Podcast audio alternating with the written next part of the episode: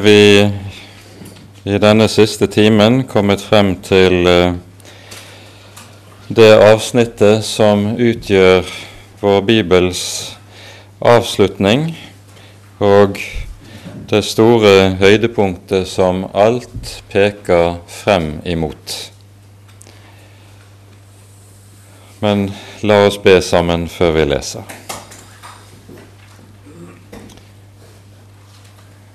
Herre, du levende Gud, vi takker og lover deg som har gitt oss et levende håp.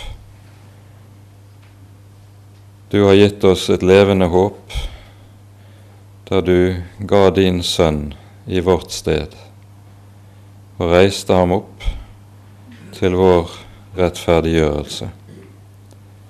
Så ber vi, Herre, kom du, vær hos oss med din Hellige Ånd og lær oss å forstå dine ord. Og skriv ordet ditt inn i våre hjerter. Amen.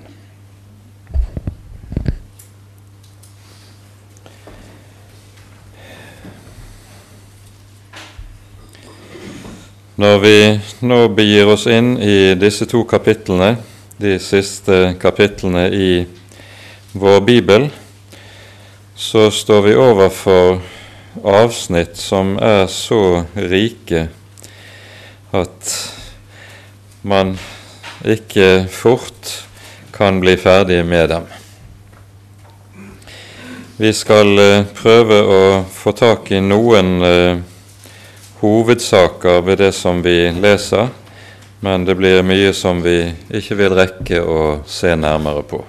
Men sånn må det være. Vi leser Først de eh, åtte første versene i kapittel 21.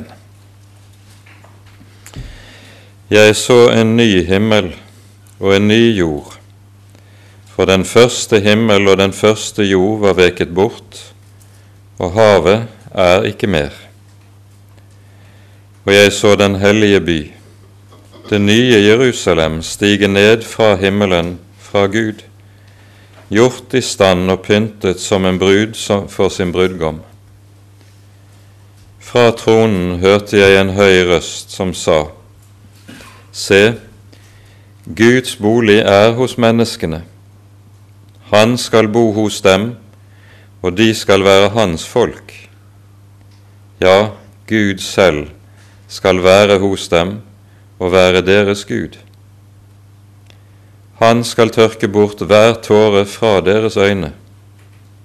Døden skal ikke være mer, ikke sorg og ikke skrik og ikke pine skal være mer, for de første ting er veket bort. Og han som satt på tronen, sa, Se, jeg gjør alle ting nye. Og han sier til meg, Skriv for disse ord er troverdige og sanne. Så sa han til meg, det er skjedd. Jeg er alfa og omega, begynnelsen og enden. Jeg vil gi den tørste å drikke av livets vannkilder for intet. Den som seirer, skal arve alle ting. Jeg vil være hans Gud, og han skal være min sønn. Men de feige og vantro og vanhellige og morderne og horkarlene og trollmennene og avgudsdyrkerne og alle løgnerne, deres del skal være i sjøen som brenner med ild og svovel. Det er den annen død.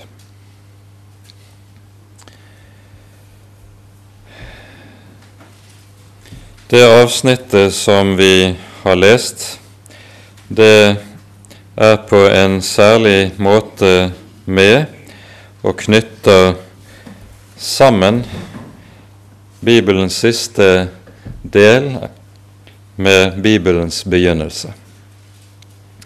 Vi var inne på i går hvilken betydning det har dette at Jesus kalles alfa og omega begynnelsen og enden. Og med ordene 'Jeg så en ny himmel og en ny jord', så er det nettopp slik at også begynnelsen og enden bindes sammen. Og Dette er også et av særtrekkene ved det vi hører i disse to siste kapitlene. Flere av de eh, ting som vi hører kjennetegner paradiset, kommer til også å kjennetegne gjenopp, det gjenopprettede skaperverk. Og slik vi pekte på det i går, også om dette gjenopprettede og fornyede skaperverk, skal det lyde fra Guds egen munn. Han så på alt det han hadde gjort, og se, det var såre godt. Det er løftet. Når vi hører det sies som det lyder i vers 1, Jeg så en ny himmel og en ny jord, så knytter dette jo uttrykkelig til løfter som er gitt allerede i Jesaja-boken. Jesaja kapittel 65 og 66, der tales det om samme sak. Så også på dette området er det slik at åpenbaringsboken kommer egentlig ikke med noe nytt. Den bare henter frem og sammenfatter det som allerede er gitt i åpenbaringen i den gamle pakts tid. Johannes' åpenbaring er det skrift som i sterkest grad i Det nye testamentet er gjennomvevet av det gamle. Ordene om en ny himmel og en ny jord, de knytter seg jo ganske klart til det som sies tydelig til oss i eh, det tredje kapittelet i 2. Peters brev, der eh, vi hører det sies følgende i eh, det syvende verset, etter at det har vært talt om den første skapning som gikk under ved vann i syndfloden, så står det slik i vers 7.: de himler og den jord som nå er, er ved det samme Guds ord spart til ilden. De blir holdt oppe til den dag når de ugudelige mennesker skal dømmes og gå fortapt. Og så i vers 10.: Men Herrens dag skal komme som en tyv. Da skal himlene få gå med veldig brak, og himmellegemene skal komme i brann og gå i oppløsning, og jorden og alt som er på den, skal brenne opp. Når alt dette går i oppløsning, hvor nødvendig er det da at dere ferdes i hellighet og i Guds frykt, mens dere venter på Guds dag, som skal komme, og fremskynder den? Da skal himlene oppløses i ild og himmellegemene smelte i brann.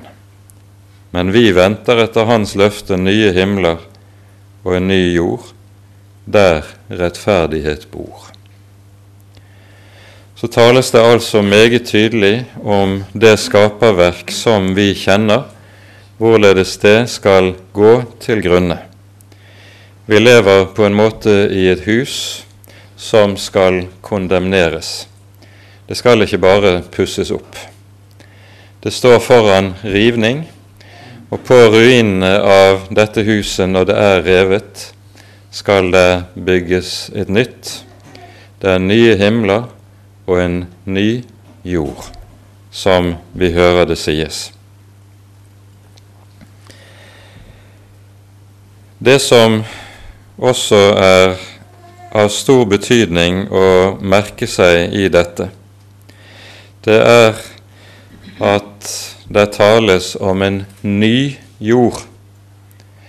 Og denne nye jord, den skal være naturgrunnlaget for det fullkomne Guds rike. Det er jo ikke uvanlig i kristen språkbruk å tale om at vi skal komme til himlene, eller til himmelen. Og Paulus skriver jo i Filippabrevet at vårt rike er i himlene. Og derfra venter vi vår Herre Jesus Kristus. Men når det taler om den, det som er det endelige mål, da er det tale om at jorden skal nyskapes. Og den nye jord blir altså naturgrunnlaget for det nye og det fullkomne Guds rike. Og det at der skapes en ny jord, det henger jo uløselig sammen med det som er helt grunnleggende i det kristne håp, nemlig at vi venter legemets oppstandelse. Når vi dør, så legges kroppen i graven og går sin oppløsning i møte. Og så sies det at om den perioden som er mellom vår død og oppstandelsen, at da er vi borte fra legemet og hjemme hos Herren. Det sier Bibelen meget tydelig til oss. Altså i perioden der vi venter på oppstandelsen, så lever vi ikke i en søvn, bevisstløs, og der vi ikke vet noe, men Herren sier altså 'borte fra legeme, hjemme hos Herren'. 2. Korinterbrev kapittel 5. Og det er vel med dette i minne og i sinne at Jesus også sier til røveren på korset innenfor døden I dag skal du være med meg i paradis. Men i oppstandelsen da skal vi altså oppstå med nye og fornyede legemer. Hvorledes disse legemer blir, det vet vi ikke stort om. Vi vet bare at Bibelen kaller dette for herlighetslegemer. Og det er tale om legemer som er kjennetegnet av helt andre slags egenskaper enn det vi kjenner fra denne verden. Bare det at det ikke lenger skal være forgjengelighet, men vi skal ikles uforgjengelighet. At vi ikke lenger skal være dødelige, men ikles udødelighet. Bare det gjør at vi forstår at her er det tale om en legemlighet som er av en ganske annen art enn den vi kjenner og er fortrolig med her i fallets og i dødens verden. Noen glimt av hva som ligger i det, aner vi når vi hører om Jesu oppstandelseslegeme. Han sto opp med et legeme, men det hadde andre egenskaper enn det vanlig menneske, en vanlig menneskekropp har. Han kunne gå gjennom stengte dører, kunne bli synlig og usynlig etter som han selv ville det, osv. Han har legeme, men det er andre egenskaper. Men det er altså tale om, som vi hører det i vår bibel, som helt klart og entydig vi venter legemets oppstandelse. Og legeme, det må ha en jord å trå på, en jord å sette føttene på.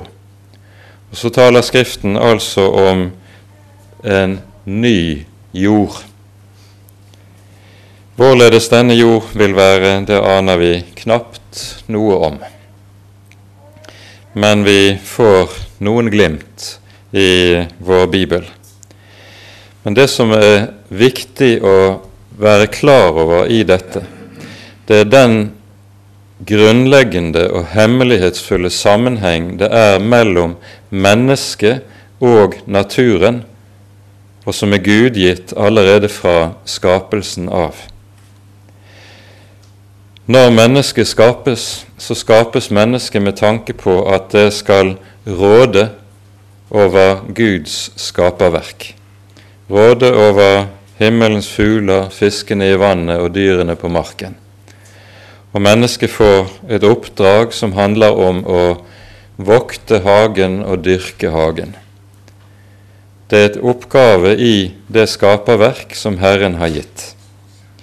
Og når mennesket så faller i synd, så dras på mange måter skaperverket med i dette fallet.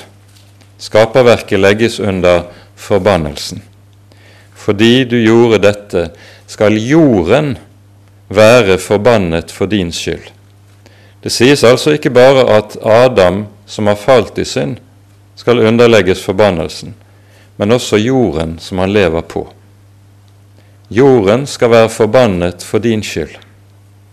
Og så er også den jord og den verden vi lever i, underlagt forgjengelighetens trelldom.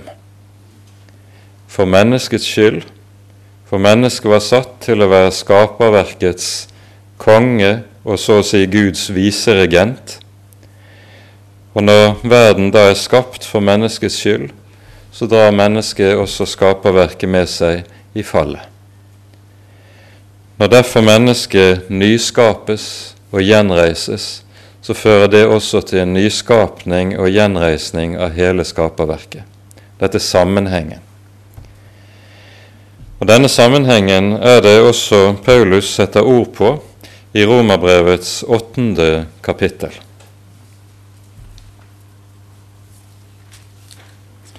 Her leser vi slik fra det 19. verset, der Paulus skriver følgende.: For skapningen venter og lengter etter at Guds barn skal åpenbares. Legg merke til at det står ikke at den venter på at Jesus skal åpenbares. Det venter vi jo vi på, så absolutt. Men her sies det det ventes på at Guds barn skal åpenbares. Skapningen ble jo lagt under forgjengelighet, ikke frivillig, men etter Hans vilje som la den under forgjengelighet, i håp om at også skapningen skal bli frigjort fra trelldommen under forgjengeligheten og nå frem til Guds barns frihet i herlighet. For vi vet at hele skapningen til denne stund sukker sammen og stønner sammen som i veer. Ja, ikke bare det, men også vi, som er Åndens førstegrøde, vi sukker med oss selv, mens vi lengter etter vårt barnekår, vårt legemes forløsning. Og Her ser vi hvordan det knyttes sammen lengselen etter legemets forløsning og hvorledes skapningen sukker i lengsel.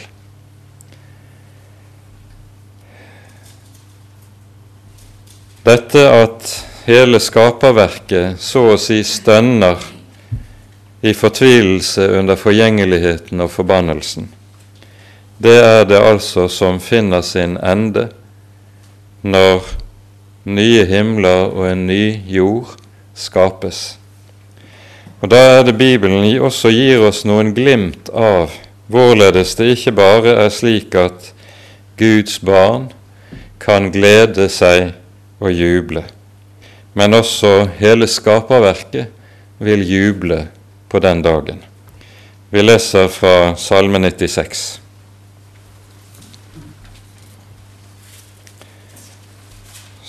Der det helt klart må være en salme som ser frem imot det som vi her taler om.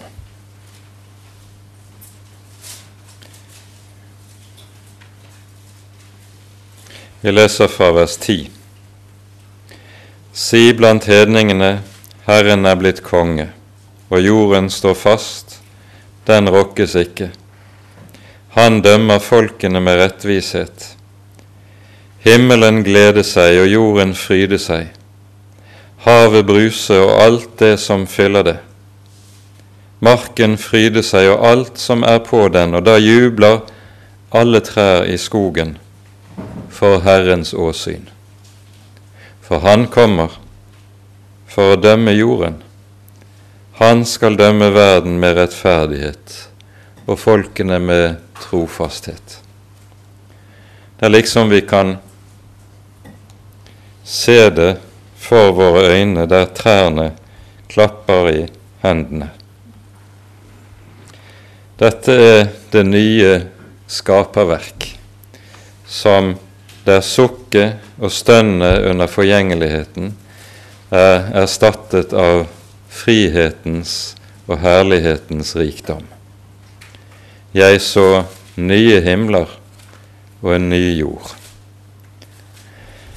Dette er en side ved det bibelske vitnesbyrdet som er viktig også å være oppmerksom på, og jeg tror det er i denne sammenheng det hører hjemme som vi hører i Jesaja-bokens ellevte kapittel, der vi hører om løven og lammet som skal beite sammen, hjorten og bjørnen som sammen skal gresse på marken.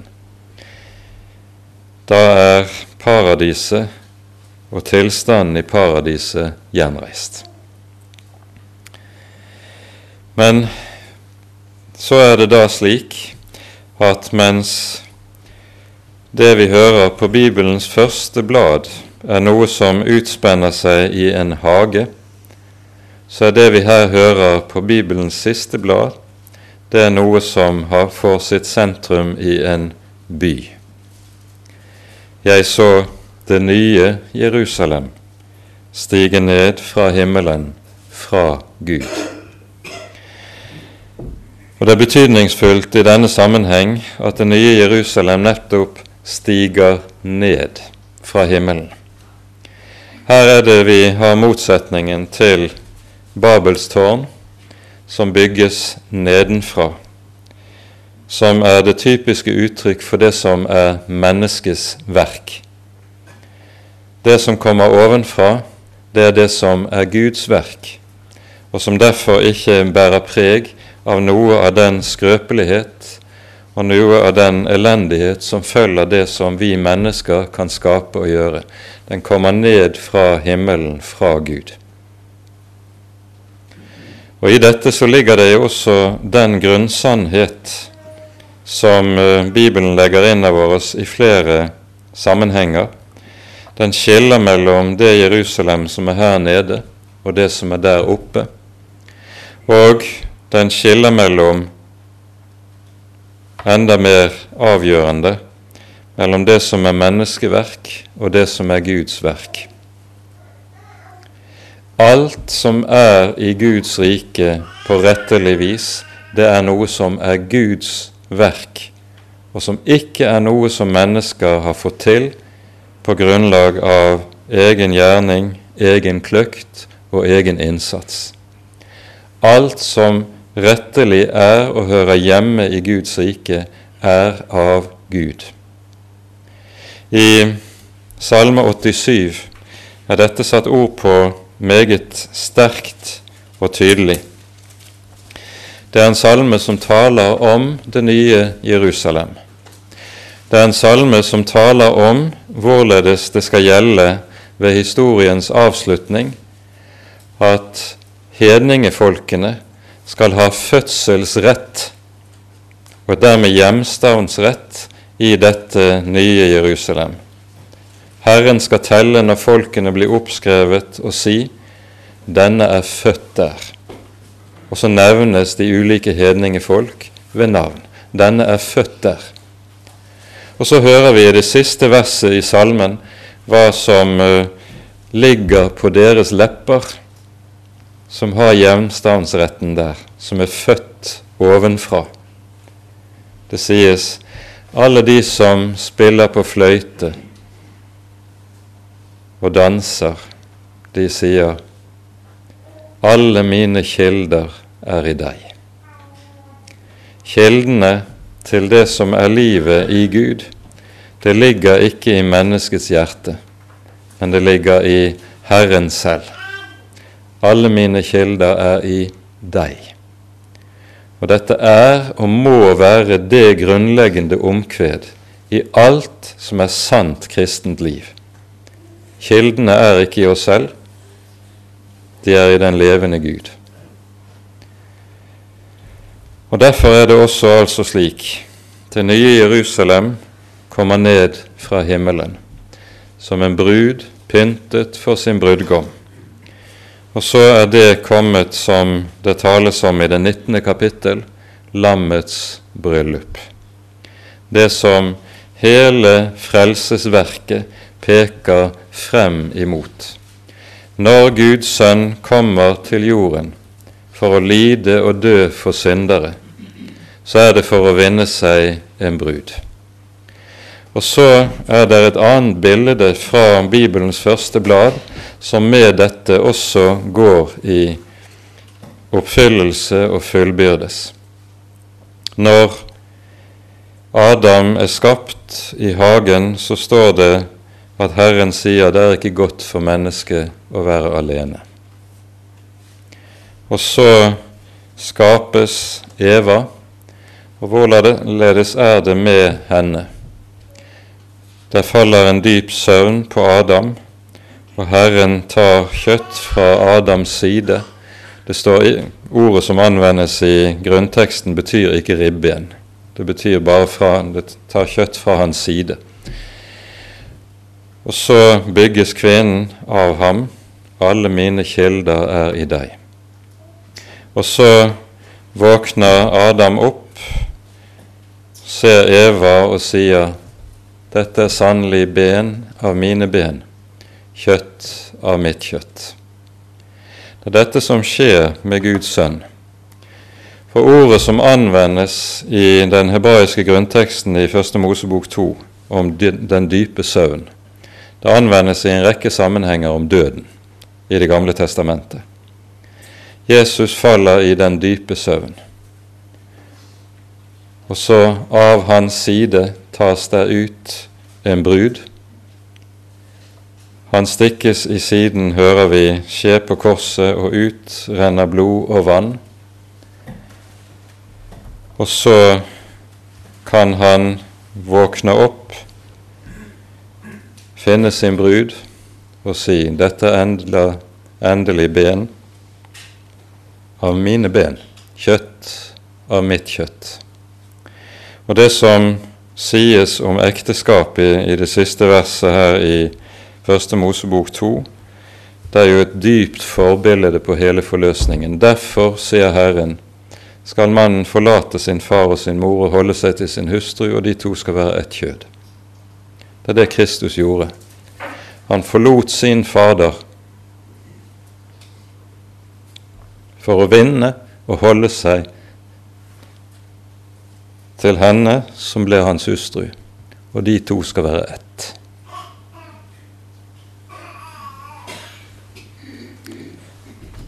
Det er lammets bryllup som vi med dette hører om, og på ny er det slik at Bibelens første og siste blad knyttes sammen for oss. Vi hører om den nye skapning. Der er ingen død, ingen sorg, ikke skrik og ikke smerte. For de første ting er veket bort. Og så tegnes lenger ut i kapitlet det nye Jerusalem for oss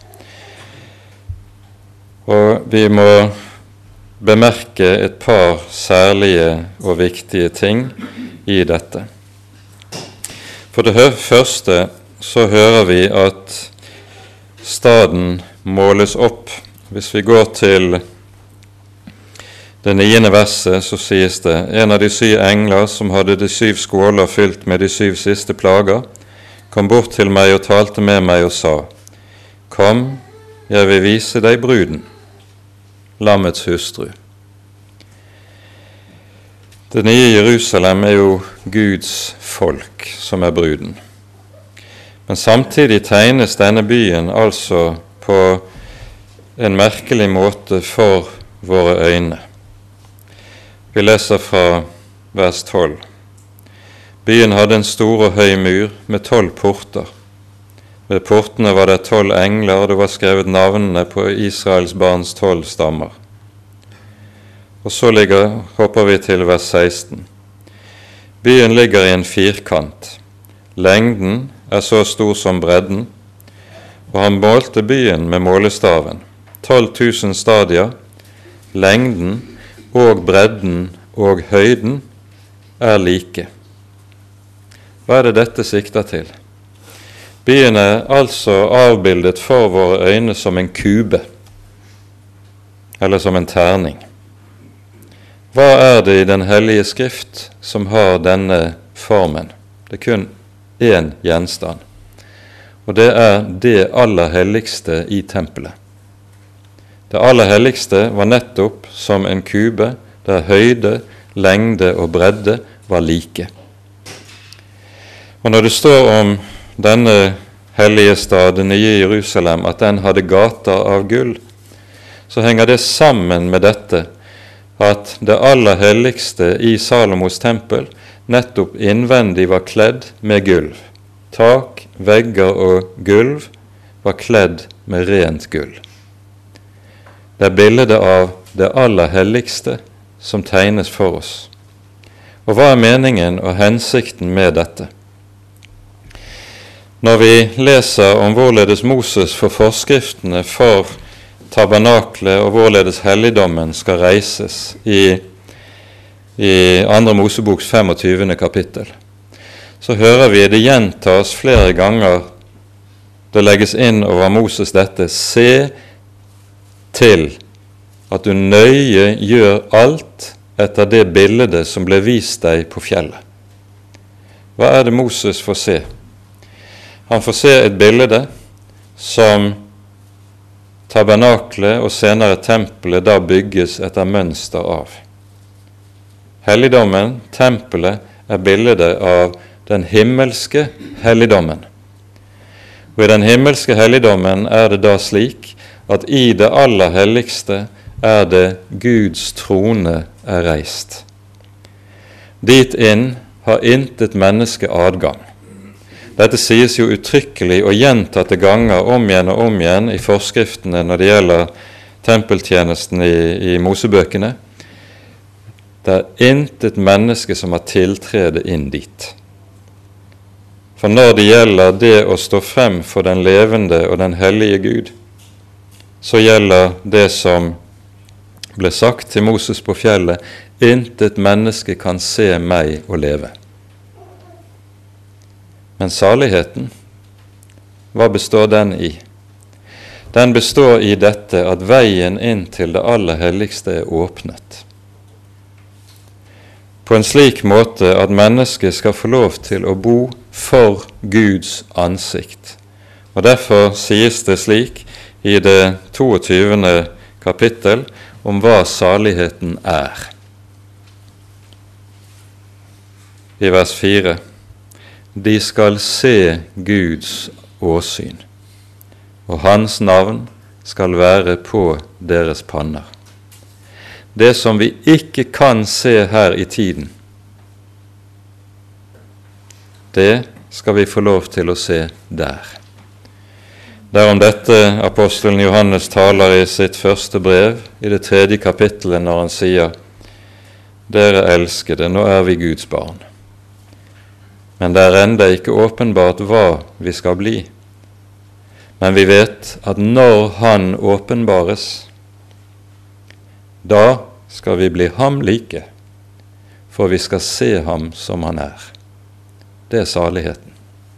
Se ham som han er, bo i det aller helligste for den levende Guds ansikt. Det er det som er selve saligheten. Og Da skjønner vi også hvorfor det nye Jerusalem tegnes under bildet av det aller helligste.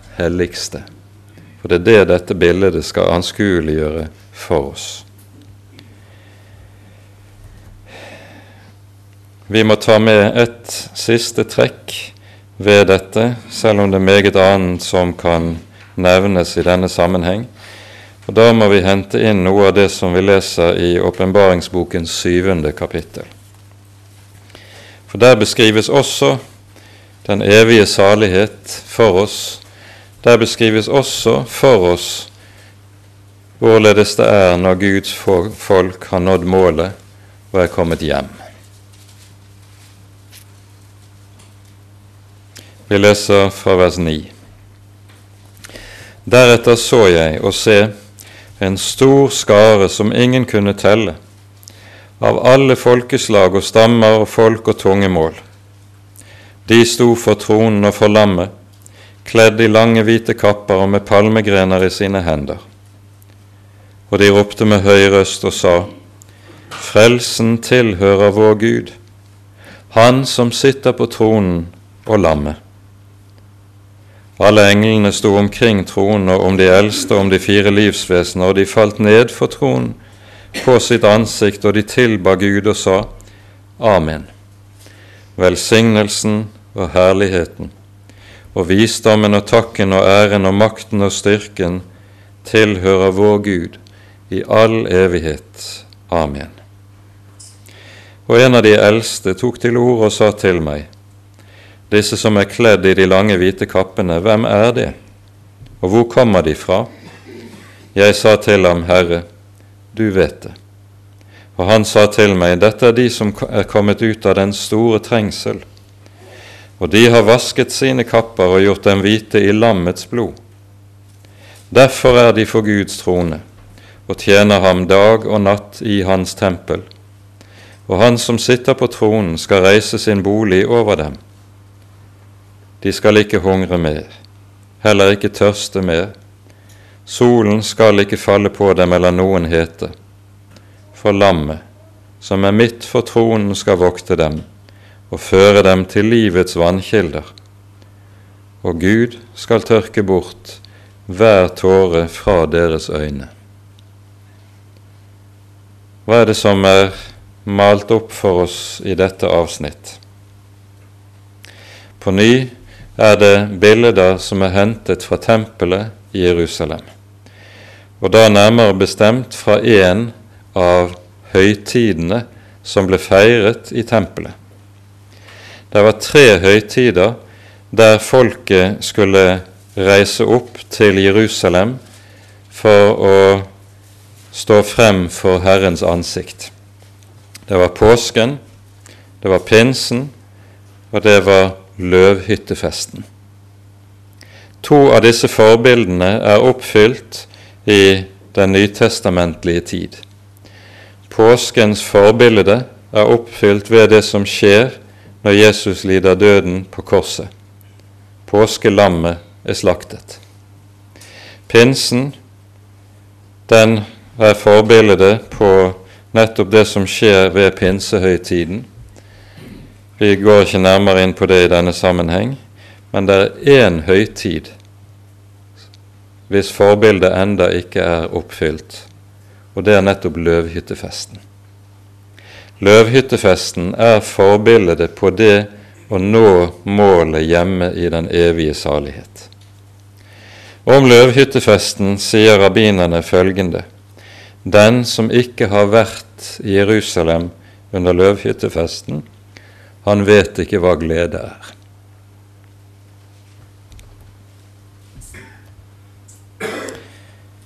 For det er jo nettopp dette løvhyttefesten mer enn noe annet skulle dreie seg om. Gleden for Guds ansikt. Alt som skjedde under denne festen, skulle anskueliggjøre og gjøre, håndgripeliggjøre dette.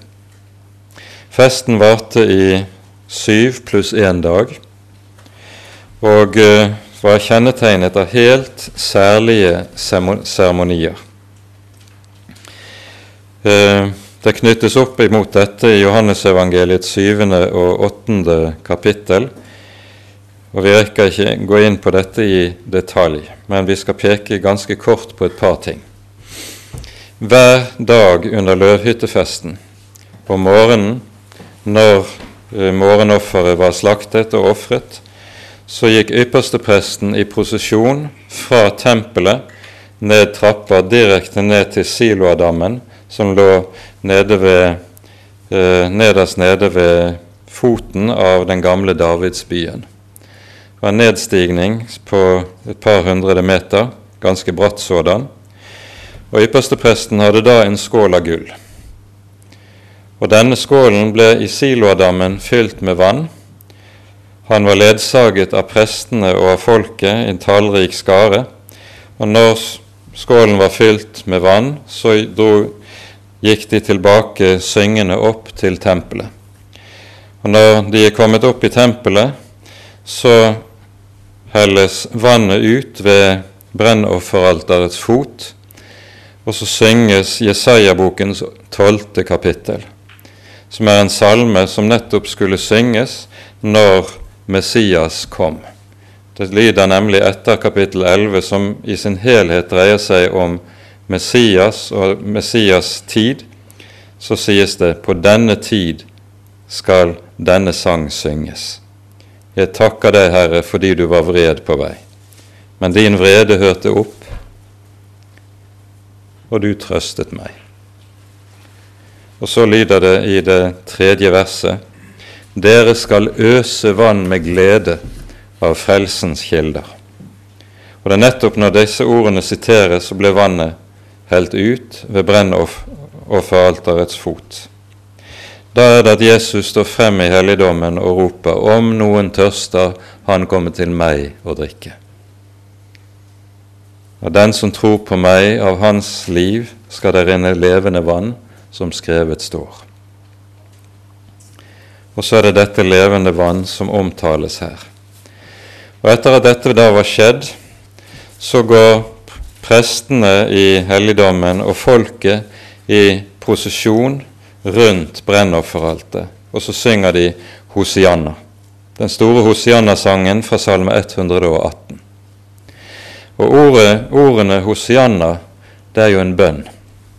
Herre, frels dog. Herre, la det dog lykkes. Slik er det oversatt i våre bibler. Men dette er nettopp et viktig poeng i ordene vi har lest her i vers 10 i Åpenbaringen 7. For hva synger de nå? De synger ikke en bønn 'Herre, frels', altså i forventning om frelsen som skal komme. Men nå lyder det 'Frelsen tilhører vår Gud og lammet'. Nå er frelsen kommet. Nå er frelsen fullbyrdet. Nå er folket samlet for Guds ansikt. Det at de står i lange, hvite kapper, det er prestedrakten i tempelet i Jerusalem.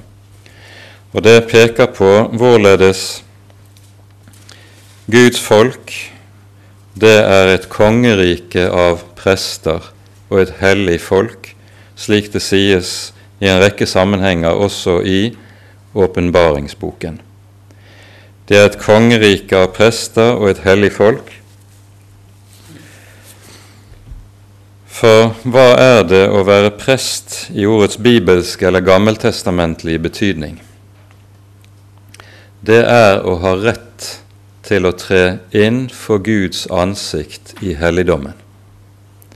Det sies uttrykkelig i Mosebøkene også om denne sak på ny og på ny.